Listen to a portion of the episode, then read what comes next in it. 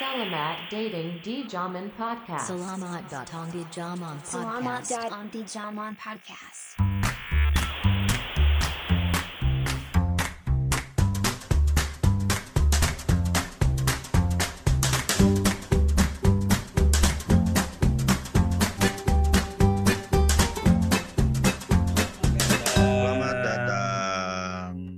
Ada suara, Selamat ada suara satu, dini ada suara hari. dua. Selamat datang Oh, kembali udah. di Zaman Podcast. Ada saya lagi dengan Selamat datang kembali. Dan saya Imal. Saya pikir kau lupa memperkenalkan diri. di episode sebelumnya, ketawanya. Di episode sebelumnya Ya. kita sudah ngobrol-ngobrol. Eh, kita mulai mengenali tentang apa itu ke, eh, Tentang KBGO, kekerasan berbasis gender online. Yang KBGO. ternyata yang ternyata di Ah. episode episode yang lalu saya sempat salah bilang KBGO, saya bilang kebebasan berbasis gender. ternyata kekerasan berbasis gender online.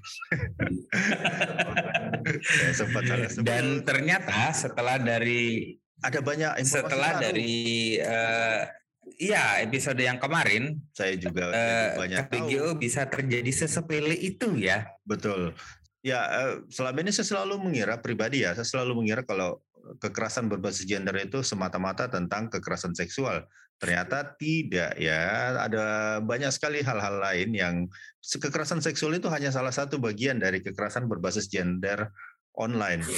Dan menarik sekali itu Imal ya, kita ngobrol-ngobrol sama Ellen. Mhm, ada, betul, banyak, betul. ada banyak informasi baru memang Betul. dan dan informasi yang memang sangat penting untuk disebarkan ke orang-orang. Dan Betul. kayaknya Ad- kita Ada ada hal-hal sepele yang bisa membuat orang kena ah, kena terjerat di KBGO dan ternyata juga ada undang-undang yang bisa menjerat orang lebih betul. lebih serius lagi di, di KBGO. Jadi Selama ini mungkin banyak memang orang banyak semua orang, orang harus hati-hati. banyak orang yang dengan santainya misalnya ya kayak yang yang kemarin kita yang sebelumnya kita cerita itu WhatsApp WhatsApp yang Mm-mm. padahal sebenarnya itu ada eh, ancaman pidananya. Tapi Yes.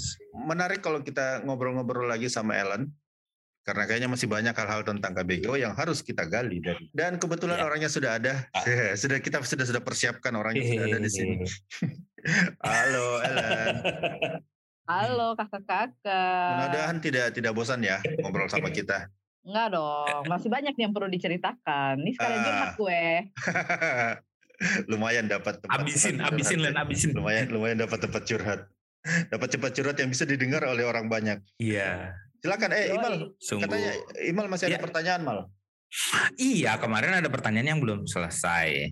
Eh, menggantung eh, kena PHP sama Ellen tentang eh, apa ya? Eh, apa, apa aduan pidana apa ya delik pidana apa delik apa ya namanya ya nggak mana tahu ya oh, yang yang mana yang mana ke BGO ke BGO yang termasuk betul mana yang pidana. kalau kalau ada kalau ada yang bisa masuk ke pelarangan eh, apa ya kalau ada yang bisa masuk dan di- pidana Ah, yang di- bisa dimasukkan ke pelanggaran pidana berarti ada yang tidak di- bisa dimasukkan ke pelanggaran pidana. Nah pertanyaannya kemarin kan yang tidak bisa masuk di pelanggaran pidana yang kemarin dijawab ya yang tidak bisa Ya. masuk pelanggaran pidana seperti apa dan bagaimana cara menanggapinya. Nah Nah, kalau yang sekarang termasuk yang termasuk yang gimana dong? Aduh, Agak- kenapa pertanyaan berat-berat ya? agak horor ya, agak horor ya ini. ya. sekalian lah Oke. sekalian Ya udah gue sekalian curhat deh. Jadi sebenarnya kalau kita ngomongin hukum di Indonesia, itu sebenarnya belum ada yang benar-benar bisa mengakomodasi berbagai bentuk kekerasan berbasis gender online. Walaupun Oh. demikian, sudah ada beberapa pasal yang sebenarnya bisa digunakan untuk menjerat pelaku-pelaku kekerasan berbasis gender online untuk jenis-jenis tertentu, terutama jenis terkait eh, kekerasan seksual. Nah itu kan memang sudah ada ya kerangka hukumnya di Indonesia, walaupun catatan lagi nih kasih tanda bintang gitu ya. banyak banyak walaupunnya Hmm. Nah, Iya, S dan K, syarat dan ketentuan berlaku. Soalnya pasalnya itu juga bisa digunakan untuk menjerat korban tuh, bayangin dong. Nggak hanya digunakan untuk menjerat pelaku, tetapi bisa tapi juga bisa ah, korban. Gitu. Contohnya nih, mm-mm. eh, kita tuh di KUHP maupun di Undang-Undang ITE itu ada pasal-pasal yang terkait dengan unsur kesusilaan. Nah, Hmm. unsur kesusilaan ini kan dia unsurnya nggak jelas ya, maksudnya detail kesusila melanggar kesusilaan itu Seperti apa? seperti apa Itu kan Mm-mm. nggak jelas. Nah, sedangkan kalau kita ngomong kesusilaan itu sendiri di masyarakat, itu kan normanya kuat ya. Kuat Mm. kalau ngomongin kesusilaan tuh sama dengan moral. Nah, Sus- karena kita masyarakatnya patriarki, kalau kita ngomongin moral, itu biasanya terkait dengan perempuan.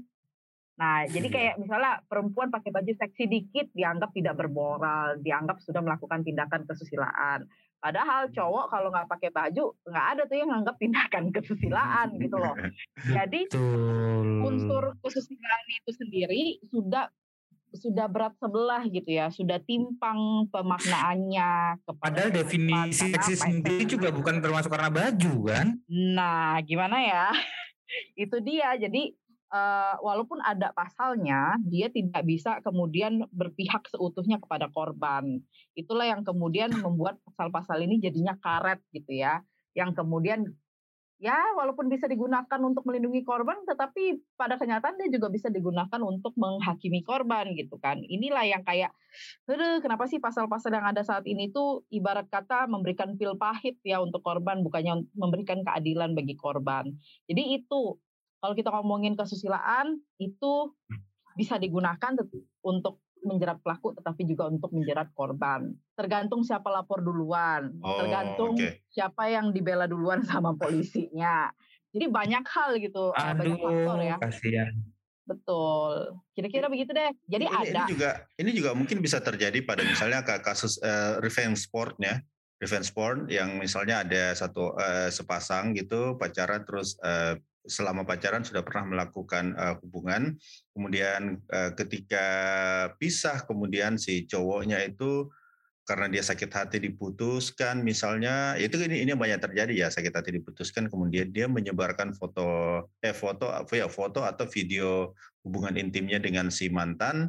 Kemudian ketika diproses eh, pidana bisa jadi si perempuan juga akhirnya jadi jadi apa Tersangka. jadi tersangka juga Aduh. saya, saya, saya lihat itu itu Betul. sering terjadi dan mungkin itu itu juga yang dimaksud Elan tadi ya Iya betul. Jadi itu sebenarnya eh, korban sendiri itu bisa dikenakan undang-undang ITE tadi ya terkait dengan konten bermuatan melanggar kesusilaan atau dikenakan pasal-pasal yang ada di undang-undang pornografi karena dianggap dia sudah eh, berpartisipasi dalam kegiatan porno aksi. Jadi ada dua tuh ya yang eh, ada tiga sebenarnya kalau kita menghitung KUHP juga ya terkait dengan Hmm. unsur kesusilaan, terkait dengan pornografi. Nah, aku pingin pingin me- me- menjelaskan sedikit. Jadi Ya, kita kalau di silakan. Safenet itu tidak menggunakan istilah revenge porn karena istilah Oh, oke. tersebut itu sudah melakukan uh, victim blaming. Kenapa disebut victim blaming? Jadi ada kata revenge kan di situ. Revenge Balas kan sama dendam. balas balas dendam. Itu kesannya kayak kita membenarkan atau memvalidasi apa yang dilakukan oleh pelaku sebagai sesuatu uh, tindakan bahwa apa se- ya? bahwa sebelumnya dia hanya Balas korban kemudian dia betul. dia dia mau melakukan balas dendam oh oke oke oke oke Betul. Jadi seakan-akan dia berhak balas dendam karena dia sudah disakiti oleh korban terlebih dahulu. Padahal di banyak kasus itu tidak demikian gitu. Ya. Jadi yang disebut sebagai revenge porn itu kebanyakan adalah bagaimana cara pelaku untuk tetap bisa mengendalikan korban, untuk tetap bisa Mm-mm. membuat korban tunduk pada dirinya. Jadi nggak ada Hmm. hubungan itu bukan balas dendam. dulu iya gitu. betul betul Bukan gitu. Jadi itu nah selain kata revenge, sebenarnya kata pornnya juga bermasalah. Porn kan maksudnya adalah konten pornografi kan ya. iya Nah, betul Kalau kita lihat di kasus-kasus yang disebut atau dilabeli sebagai revenge porn, itu kan konten-kontennya itu tidak dibuat untuk industri pornografi. itu di- untuk pribadi betul untuk pribadi, untuk kebutuhan intimasi, untuk eh, Mm-mm. mungkin relasi yang romantis gitu ya. Iya iya iya. Heeh. Atau di banyak kejadian sebenarnya perekamannya aja itu dilakukan secara Diam-diam. Jadi betul. pas dire- betul direkamnya aja sudah nggak konsen gitu ya. Perekamannya aja sudah menjadi kekerasan tersendiri. Jadi nggak adil aja gitu loh kalau kita menggunakan kata porn di sini untuk eh, menggambarkan apa yang terjadi. Makanya SafeNet itu menggunakan istilah penyebaran konten intim non konsensual atau Oh, bahasa Inggrisnya non konsensual bahasa Inggrisnya non consensual dissemination of intimate images alias Ah. NCII panjang ya Saya jadi ingat ini ada satu yang kasus yang sempat rame be- setahun lalu apa dua tahun lalu ya yang eh, inisial V dari salah satu kota di Jawa Barat yang dipaksa oleh suaminya untuk melakukan eh, hubungan seksual bertiga atau berempat malah dengan laki-laki Uh. lain yang kemudian direkam Betul, betul. dan kemudian eh, bocor eh, bocor atau disebar sama si suaminya? Saya saya, saya lupa. Yang jelas ter- Dijual, dijual. dijual ya. Yang jelas tersebar dan kemudian si perempuannya sendiri si V ini kemudian jadi tersangka. Karena dianggap Betul. eh, ya dianggap me- melakukan perbuatan asusila yang melanggar hukum. Padahal kalau menurut pengakuan dia kan dia melakukan itu karena dipaksa oleh suaminya. Nah itu Betul, akhirnya memang jadi jadi korban dua kali kan Uh, korban banyak kali itu sebenarnya. banyak kali Bang. banyak banyak kali malah ya Jadi kalau misalnya dilihat ya dari situasinya, jadi awalnya itu si eh, V ini dia tuh menikah sama si suami itu dia tuh usianya masih usia anak loh, masih di bawah 18 bawah- tahun di dia bawah sudah 18 tahun? dinikahi. Ah, oke Betul. Sedangkan laki-lakinya itu kalau saya nggak salah ingat usianya di atas 30. Jadi oh bayangkan itu saja sudah terjadi kekerasan berbasis gender online, eh kekerasan berbasis gender lah ya, bukan kekerasan Yeah. berbasis gender. Yaitu pernikahan anak ya, itu satu. Yang kedua, kemudian dia itu sebenarnya eh, situasi dia sudah diceraikan. ketika Jadi- itu terjadi ketika yang di video itu terjadi Eh, video yang diviralkan itu itu situasinya adalah mereka sebenarnya sudah bercerai. oh Ah, tapi kemudian si mantan suaminya itu tetap apa ya memaksa korban untuk kemudian menjadi objek pornografi. Nah, tapi nggak cuman objek pornografi gitu loh, itu dia membuat konten pornografi yang memang untuk dijual. Lu Hmm. bayangin ya, jadi si pelaku ini sudah memaksa eh, mantan istrinya yang masih berusia anak ya Ah, untuk melakukan eh, untuk membuat konten pornografi. Dia menjual mantan istrinya alias para pemain yang ada di dalam situ yang membayar itu membayar. Habis Ah. itu kontennya masih dijual lagi gitu kan. Habis itu si mantan laki-lakinya ini eh, eh, si mantan suaminya ini tuh sebenarnya kena penyakit HIV AIDS. Jadi Aduh, bayangin tuh berapa banyak kekerasan yang terjadi gitu kan. Nah ini sebenarnya menunjukkan kalau kita ngomongin kekerasan berbasis gender itu tuh nggak hitam putih, itu tuh tidak semudah itu untuk kita eh, menentukan ini adalah kekerasan berbasis gender karena dia pasti banyak lapisan-lapisan yang harus banyak korek. gitu kan. layer-layernya betul Betul dan biasanya itu nggak cuma terjadi sekali, biasanya itu akan terjadi dalam bentuk rentetan gitu ya kayak tadi dari pernikahan anak, kemudian eh, mungkin mungkin bahkan dia mendapatkan kekerasan dalam rumah tangga selama masih eh, berstatus istri gitu ya. Iya. Habis itu sudah cerai pun masih manfaatkan. Dimonetisasi tubuhnya diobjektifikasi. Habis itu sama eh, hukum di Indonesia pun dia masih diviktimisasi jadi lagi. ya betul kan. jadi jadi korban Hmm, lagi hmm, hmm, hmm. Betul, alih-alih melihat korban eh, CV itu sebagai eh, apa ya, sebagai orang yang kena trafficking gitu kan itu ibarat kata trafficking lah ya. iya karena diperjualbelikan Atau- ya tanda kutip diperjualbelikan Iya kan? Ta- Dalam tanda kutip diperjualbelikan tapi ternyata enggak gitu loh. Malah kena undang-undang pornografi itu kan kacau banget kan. karena dia dianggap sebagai pemeran dari video itu Betul, maksudnya harusnya melihat konteks dong. Bahwa konteksnya adalah bukan dia menginginkan dirinya menjadi objek di dalam konten pornografi tersebut, tapi dia berada di situasi yang membuat dia tidak bisa menolak Mm-mm. mantan suaminya, ya kan? Jadi itu Betul, kayak, betul. aduh, layernya banyak sekali, bang. dan dan eh, saya saya kembali mengi- me- mengingatkan eh, teman-teman yang mendengarkan podcast ini bahwa kekerasan seksual itu hanya salah satu bagian dari kekerasan berbasis gender online. Jadi eh, mungkin se- selama beberapa menit ini sama yang episode sebelumnya kita banyak ber- berbicara soal eh, kekerasan seksual, tapi ternyata itu hanya salah satu bagian dari ke- kekerasan berbasis gender. Deng, podcast kita kali ini berat banget ya. tapi tapi isinya kalau mengutip kata Helmi Yahya isinya daging semua. kalau kalau ini ada daging ada bumbunya apa segala macam. Jadi Aduh, Ini rendang ini, bukan cuma daging. betul. rendang betul. Iya, berasa berasa langsung apa ya kayak ditimpa, diblekin gitu loh. Sampai segitunya ya. Eh saya tadi ini Eh. eh, Ellen Ellen tadi eh, menyebut SafeNet. Jadi saya, saya penasaran apa yang dilakukan Betul. SafeNet di Hmm. dalam dalam konteks eh, kekerasan berbasis gender ini. Kekerasan baru berbasis gender online. itu. Oke, ada jadi kalau kriteria atau batasan yang dikerjakan sama SafeNet karena kalau tadi Ellen ceritakan Ada luas, sekali. penuh layer, penuh lapis, penuh penuh intrik, penuh drama. Terus SafeNet mau kerjain itu sampai seperti apa, batasannya seperti apa. Itu kan kalau kalau saya ngebayangin ya, misal saya saya eh, si eh, apa ya, saya adalah SafeNet dan SafeNet ini dan saya membantu korban itu uh banyak Nah, banget itu yang harus saya kerjakan dan itu baru satu. Itu baru satu. Nah, terus yang dikerjain sama SafeNet ada berapa? Hmm, silakan. Oke. Oke, jadi kalau kita ngomongin apa sih yang dikerjain SafeNet, SafeNet itu sudah menginisiasi sebuah apa ya gerakan mungkin atau eh, inisiatif lah ya kita nyebutnya inisiatif yang namanya Awas KBGO atau Awas Kekerasan Berbasis Gender Online. Nah, Awas KBGO itu sendiri punya misi yaitu satu mengadvokasi kebijakan sehingga kekerasan berbasis gender online menjadi sesuatu yang bisa eh, mendapatkan pemenuhan haknya gitu ya. Karena kan kita memperjuangkan hak digital sebagai bagian dari hak asasi manusia kan. Jadi Betul. mengadvokasi kebijakan itu jadi salah satu misi dari inisiatif Awas KBGO. Terus yang kedua, karena kita melihat KBGO itu sangat luas sekali ya dan orang eh, mungkin tidak memahami keseluruhan dari apa sih yang disebut KBGO itu sendiri. Makanya edukasi itu juga jadi salah satu misi eh, atau bagian dari inisiatif Awas KBGO itu sendiri. Nah, dan, ini- dan, itu salah, salah satu bagian yang paling penting juga itu edukasi.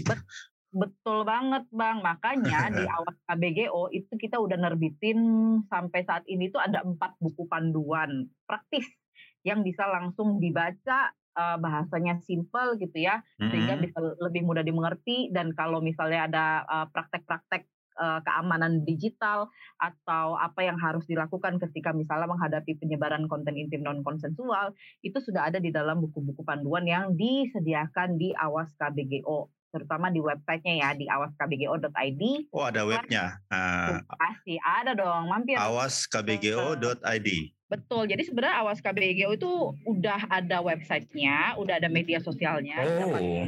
itu di Instagram terus juga ada di YouTube banyak loh Oh. yang udah kita buat tentang KBGO modus-modusnya seperti apa apa saja yang bisa dilakukan itu juga ada videonya Nah ini yang gitu. penting ini, ini yang penting untuk disebarluaskan. hmm, hmm. Betul Betul, ya. betul, betul. Nah, Gak cuma edukasi, eh, kita juga melihat ada kebutuhan untuk membantu korban yang kebingungan ketika menghadapi KBGO itu sendiri. Makanya di awas KBGO itu juga ada layanan bantuan eh, berupa satu konsultasi keamanan digital atau terkait dengan privasi di dunia digital. Yang kedua itu bantuan pelaporan atau eskalasi pelaporan ke platform digital. Sangat kan bekerja sama Oke. dengan beberapa platform digital Oh, besar yang ada di depan. Jadi uh, kita bisa bantu misalnya untuk uh, take down atau hapus konten uh, atau mengeskalasi pelaporan yang sudah dilakukan oleh korban tetapi tidak digubris oleh platform digital itu Oh, bisa Oke. dilakukan oleh kita. Dan sebenarnya ini karena banyak juga korban kekerasan berbasis gender online yang bingung cara lapor di platform digital seperti Iya apa gitu ya. betul. Nah, makanya sebagai Iyalah. bagian eh, sebagai bagian dari advokasi kebijakannya Safenet, kita nggak cuman eh, mengintervensi pemerintah gitu ya atau berkoordinasi atau berkomunikasi dengan pemerintah aja, kita juga menjalin komunikasi dengan platform digital, kita juga memberikan masukan gitu ya ke platform digital apa sih yang kurang dari eh, fitur-fitur yang mereka belikan eh, yang mereka berikan gitu ya, apa sih yang harus mereka tingkatkan supaya eh, penggunanya juga lebih aman Lebih aman, dari ya, KBGO betul. Jadi itu bagian yang dari kita lakukan. Nah, tapi ini kabar gembira juga sih.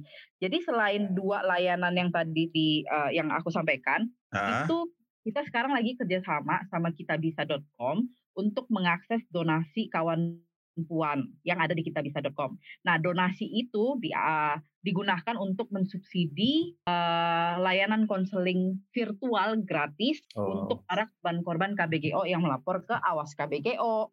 Jadi mereka bisa tuh dapat pendampingan eh, atau konseling psikologi gratis lah Oke berkat oke. eh, donasi kawan puan. Jadi mantep kan? Ada tiga jadinya layanan Iya, yang betul. eh, diberikan oleh Safna saat Eh, se- Sebenarnya itu eh, men- sedikit menjawab apa yang mau saya tanyakan berikutnya. Karena tadi tadi saya juga mau, mau, eh, berpikir ya ketika kita menjadi korban atau ada orang yang menjadi korban, sebenarnya apa sih yang harus dilakukan? Sebenarnya tadi agak terjawab, tapi mungkin bisa bisa dijawab lebih detail lagi ya, Ellen. Oke, Sebentar, oke. sebentar, sebentar, sebentar, sebentar. Sebelum sebelum menjawab Ah. pertanyaan itu, karena karena tadi sudah sudah dijelaskan tentang layanan dan lain-lain dan lain-lain. Ada tiga Hmm. layanan sampai ke konseling dan lain-lain. Eh, ada nggak kriteria? Ada nggak batasan? Atau siapa pun yang mau mengadu pasti akan di akan dihandle sama eh, SafeNet sama Awas KBGO? Atau Awas KBGO sendiri punya kriteria yang seperti ini itu jadi top priority dan lain-lain atau bagaimana kayak gitu. Karena kan tidak menutup kemungkinan kadang ada orang yang mengadu eh, dan ya namanya juga mengadu ya di dunia online belum tentu juga aduannya itu memang betul terjadi bisa jadi dia Oh iya iya. ya, apa ya Hanya prank gitu Oh iya. Hanya iseng Wah, oke, menarik. Jadi sebenarnya siapa sih yang bisa melapor ke Awas KBGO? Semua orang sih, nggak peduli Hmm. dia siapa, usianya berapa, laki-laki atau perempuan, nggak peduli orientasi seksualnya, nggak peduli soal agamanya. Ketika dia melapor, eh, eh, itu boleh, gitu ya. Nanti kita akan cek dari eh, formulir laporannya, eh dari formulirnya, apakah kemudian itu masuk kategori kekerasan berbasis gender online atau enggak, dan apakah itu masuk ranah yang kita tangani atau enggak, gitu. Tetapi emang yang jadi Hmm. PR itu adalah SDM kita di kan terbatas banget ya bang. Betul. Iya kan? Emang ada berapa ratus sih orang SafeNet ini yang diurusin banyak bener Wow, iya kan makanya. Terus kasus KBGO itu sebenarnya kasus yang paling banyak yang eh, laporannya diterima di Safenet kan. Kayak tahun Hmm. lalu aja itu kita dapat aduan kasus sebanyak 620 kasus. Jadi dengan angka sebanyak itu tentunya nggak semuanya. Sorry, sorry. eh, sorry tahun lalu berapa kasus 620 bang. Wow. 620 aduan Itu yang Betul. itu itu baru yang mengadu ya. Yang itu tidak yang mengadu, mengadu. tidak mengadu saya yakin jauh lebih banyak lagi. Betul. Iya. Am- Kalau Nah, yang berani jujur 600 yang nggak jujur yang masih sembunyi yang takut-takut. Jauh berkali-kali lipat saya yakin. betul. Oke. Nah sebenarnya kalau dilihat catatan Komnas Perempuan sendiri tuh nyebutin tahun 2020 tuh angka KBGO tuh paling banyak sampai 942 aduan yang mereka terima di 2020. Hmm. Kita 620. Nah, itu eh, ini pengakuan dosa juga ya. Dari semua aduan sebanyak ya pengakuan dosa karena nggak semuanya berhasil tertangani kan, tidak semuanya berhasil direspons gitu loh. Karena kadang-kadang saat direspons ternyata eh, korbannya sudah tidak ingin berkomunikasi lebih lanjut atau kita responsnya terlalu Oh. lambat gitu kan sehingga eh, mereka tidak merasa terbantukan. Ada situasi-situasi seperti itu memang sangat disayangkan tapi eh, keterbatasan SDM itu tidak bisa dipungkiri gitu ya untuk melakukan penanganan KBGO itu sendiri. Dan kadang-kadang eh ekspektasi korban itu berbeda dengan apa yang eh, Hmm, dengan hmm. dengan layanan yang kita berikan. Misalnya ketika mereka Mhm. ekspektasinya adalah kita juga bisa menangani dari sisi hukum. Nah, kan tadi nggak termasuk tuh ya di dalam layanan yang diberikan oleh Awas KBGO karena di Sasnet kan kita eh, ada sih pengacara tetapi tidak spesifik untuk kasus-kasus KBGO kan. Iya iya Terus, iya. Dan nggak banyak juga di antara kita yang eh, paham hukum di luar dari membaca pasal kan. Lebih pada eh, kita memberikan konsultasi tadi keamanan digital karena itu bagian dari eh, kerja kita sama tadi eh, pelaporan konten ke platform digital karena kita memang memiliki Kerjasama ya.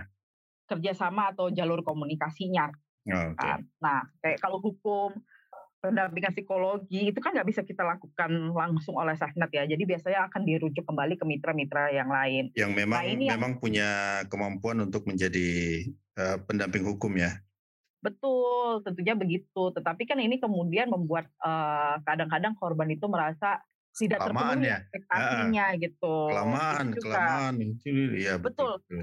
Betul. Waktu respons, eh, waktu durasi merespons itu juga jadi PR ya, karena kebanyakan korban itu kadang-kadang bukan kadang-kadang, kebanyakan korban itu mengadu saat mereka mendapatkan kekerasannya kan. Jadi Mhm. mereka langsung ngisi eh, Mhm. formulir laporan. Tapi kan mereka mengisi formulir laporan kan tidak melihat oh ini lagi office hour, oh ini sudah lewat office hour. Hmm, kapan saja. Iya, mereka iya, akan iya. melakukan pengaduan tersebut. Dan kita tahu teknologi digital itu kan membuat semuanya itu Terasa cepat. cepat kan.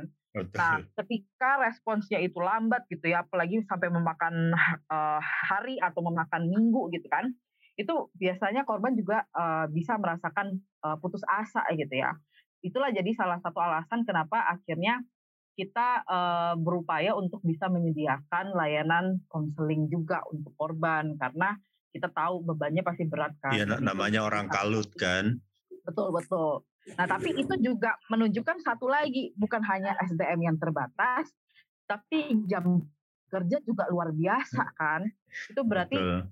eh, penanganan KBGO yang baik gitu ya, itu hak membutuhkan penanganan yang 24 jam, nggak bisa terbatas dengan waktu. Karena kan kita nggak mungkin yang ngomong sama pelaku, hei pelaku kamu kalau mau melakukan KBGO tolong tidak kerja gitu loh. Nggak bisa kan kita ngomong kayak gitu. Jadi itu jadi jadi PR sih. Eh, SDM, waktu eh, pelayanan, keholistikan dari pelayanan bantuan itu sendiri ya. Jadi wah banyak banget deh PR-nya. Moga-moga Ya, saya, saya bisa bisa bisa bisa bayangkan sih. satu Bisa membayangkan bagaimana beratnya kerjaan seperti itu. Terima Betul, kasih betul, banyak. betul, betul. Terima kasih banyak. Terima Ellen. kasih, terima kasih Sudah mau Ellen. sudah mau datang di zaman podcast untuk Sama-sama. berbagi. Dan ingat, seperti saya bilang tadi, ini bukan yang terakhir ya. Ini bukan yang terakhir. Kita akan ngobrol-ngobrol lagi nanti dengan Ellen. Ya. Mungkin dengan teman-teman dari Awas KBGO yang lain supaya pemahaman kita tentang eh, kekerasan berbasis gender online ini semakin Nah, luas dan kita masih kita bisa semakin banyak cerita ke orang lain tentang apa itu kekerasan berbasis gender online. Tetap stay tune, stay tune. Ya, stay tune.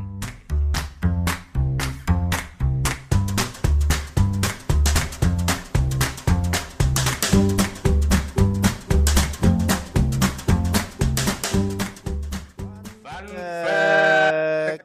Waduh, fun fact. Yuk, Rey. Kali Ya. ini fun fact, fun fact-nya apa ini mal? Ah, fun fact-nya kali ini adalah barang yang dekat di hati. Barang yang sudah jadi ini ya, sudah jadi kebutuhan primer masyarakat modern. Lebih bagus Soulmate. ketinggalan, lebih bagus ketinggalan apa dompet. Oh, betul. Orang Oh, iya, kalau- betul. Kalau, kalau keluar rumah ketinggalan dompet masih mending Heeh, daripada betul. ketinggalan barang yang satu ini. Nah, ini barang ini dekat di hati, dekat di mata, dekat di Dekat di kantong. dekat di kantong, dekat di badan. Kedekatannya sudah tidak berbatas. Bahkan banyak orang yang menghabiskan waktu lebih banyak bersama barang ini daripada bersama pasangannya. Betul. Tapi ini bukan curhat. ya. Curhat. Bukan, bukan. Saya baru mau bilang ini bukan curhat. Oke, eh, ah. barang yang kita mau cerita itu adalah handphone. Adalah handphone. Sekarang handphone. mungkin orang-orang lebih akrab dengan nama smartphone ya. Betul. Kalau dulu kan masih hand, belum smart, Hand, masih hand. belum smart. Dianggap dianggap belum smart. Dan ternyata Padahal- pertama kalinya handphone itu eh, pertama kali komunikasi melalui handphone itu terjadi tahun 1973. Ternyata lumayan Sama panjang sekali. ya.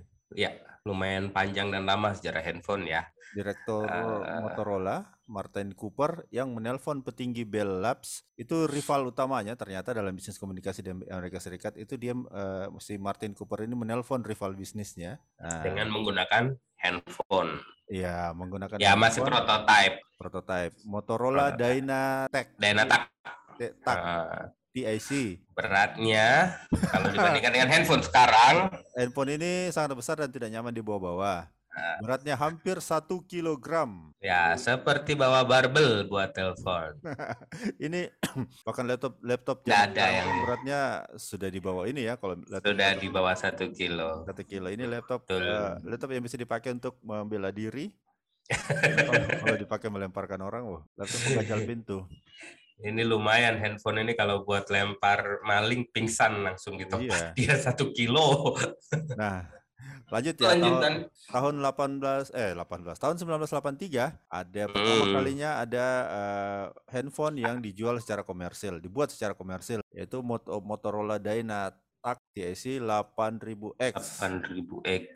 Nah, ini adiknya yang Dynatax tadi. Beratnya sudah lumayan. Sudah turun. Tidak satu kilo lagi, tapi 793 gram. Dan Betul. punya baterai yang tahan selama 8 jam. Lumayan ya, 8 jam ya. Iya, bisa dibawa-bawa di dalam kantong, tapi saya tidak yakin kantong seperti apa yang bisa membawa handphone seberat 700 gram ini. ya. Mungkin kayak film-film mafia-mafia begitu kan, ada Kalau nonton film-film tahun 80-an ada tuh, ada Ya. memang orang menelpon dengan Ada, menelpon bata. betul dan ada petugas khusus yang bawa. Iya, karena masih eh, ditera- eh, dianggap barang langka, jadi dijualnya juga mahal, masih 4000 Mahal. dolar US. Kalau dirupiahkan hari ini lebih kurang 57-an juta.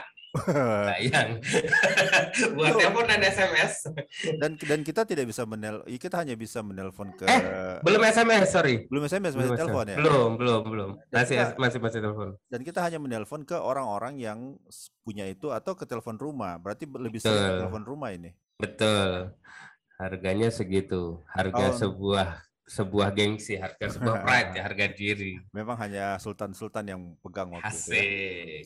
Tahun 86 uh, ada user, uh, handphone yang lebih user friendly yang diciptakan oleh Motorola. Ukurannya sudah jauh lebih kecil, bobotnya jauh lebih ringan. Uh, Motorola Microtac 9800X. Beratnya sudah 300 gram lumayan, sudah Ya. turun dari 1 kilo 700 sampai eh, tahun 86 menjadi 300 gram. Betul. Ini sudah produksi massa, sudah sudah sudah banyak. Iya. Masalahnya Eh, baterainya cuma 30 menit.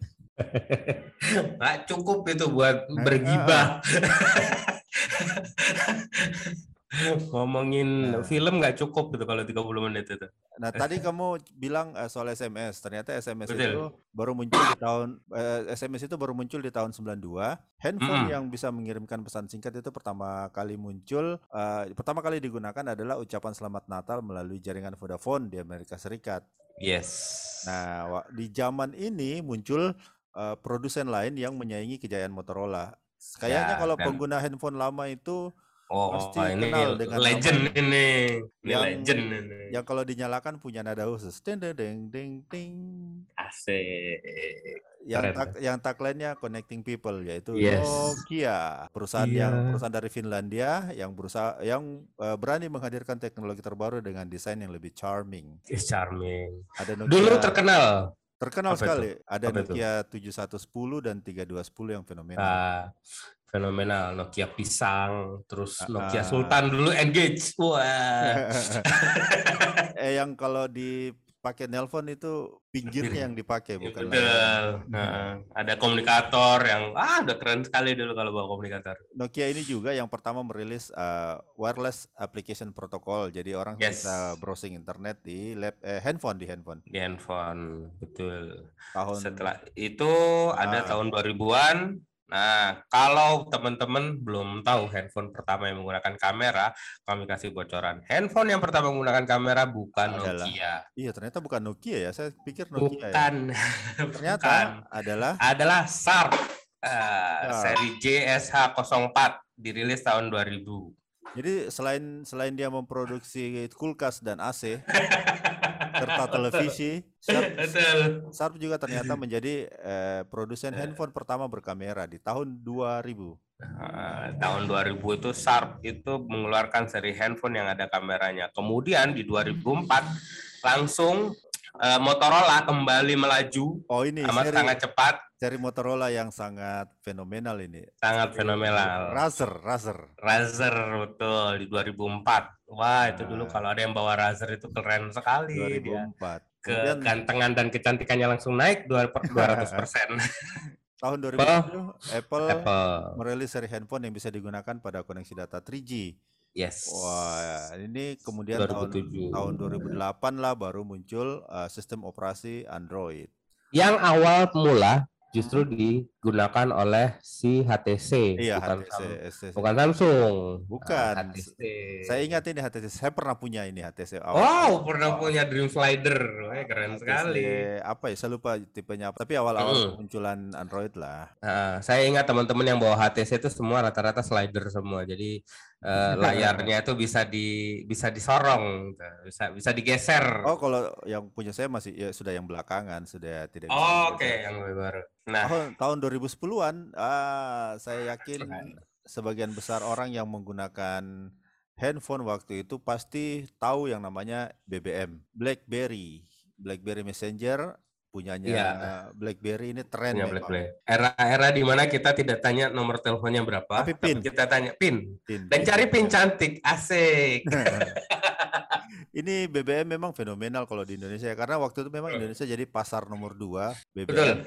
setelah India. Sampai Betul. saya, saya pernah ditanya oleh salah seorang teman dari Amerika dia ke Mhm. Indonesia, dia sampai nanya, kenapa orang Indonesia suka sekali pakai BlackBerry? Karena dia lihat ke mana-mana itu semua orang pakai BlackBerry. Nah, nanti nanti. Karena memang sangat sangat sangat populer waktu itu.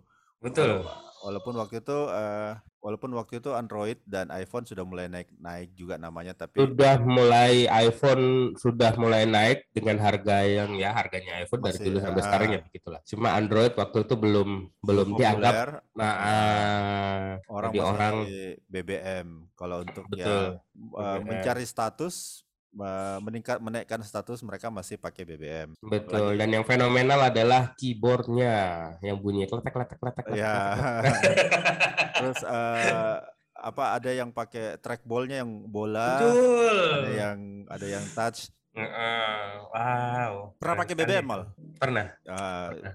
berapa tipe Eh, dua, saya pakai BBM itu dua tipe.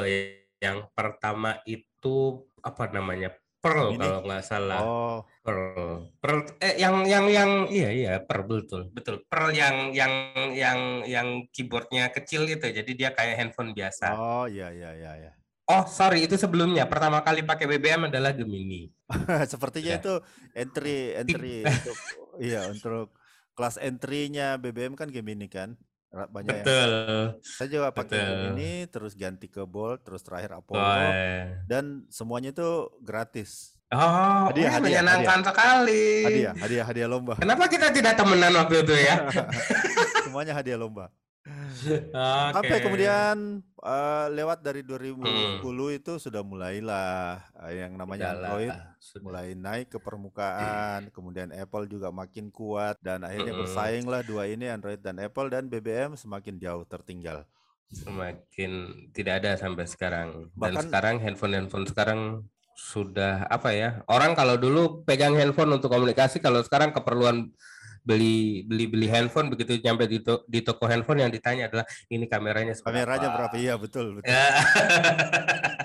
Dan yang pertama kali ditanya adalah itu kamera. Dan eh, kemudian eh, merek-merek besar seperti BlackBerry dan bahkan Nokia yang Hmm. pernah jadi raja raja handphone perlahan kemudian Hmm. menghilang dan begitulah Hmm, mulai namanya, namanya teknologi mulai tenggelam. BlackBerry, yes. BlackBerry tenggelam. Kalau Nokia dia masih mencoba untuk bertahan, tapi, tapi ya, ya begitulah. ya begitulah.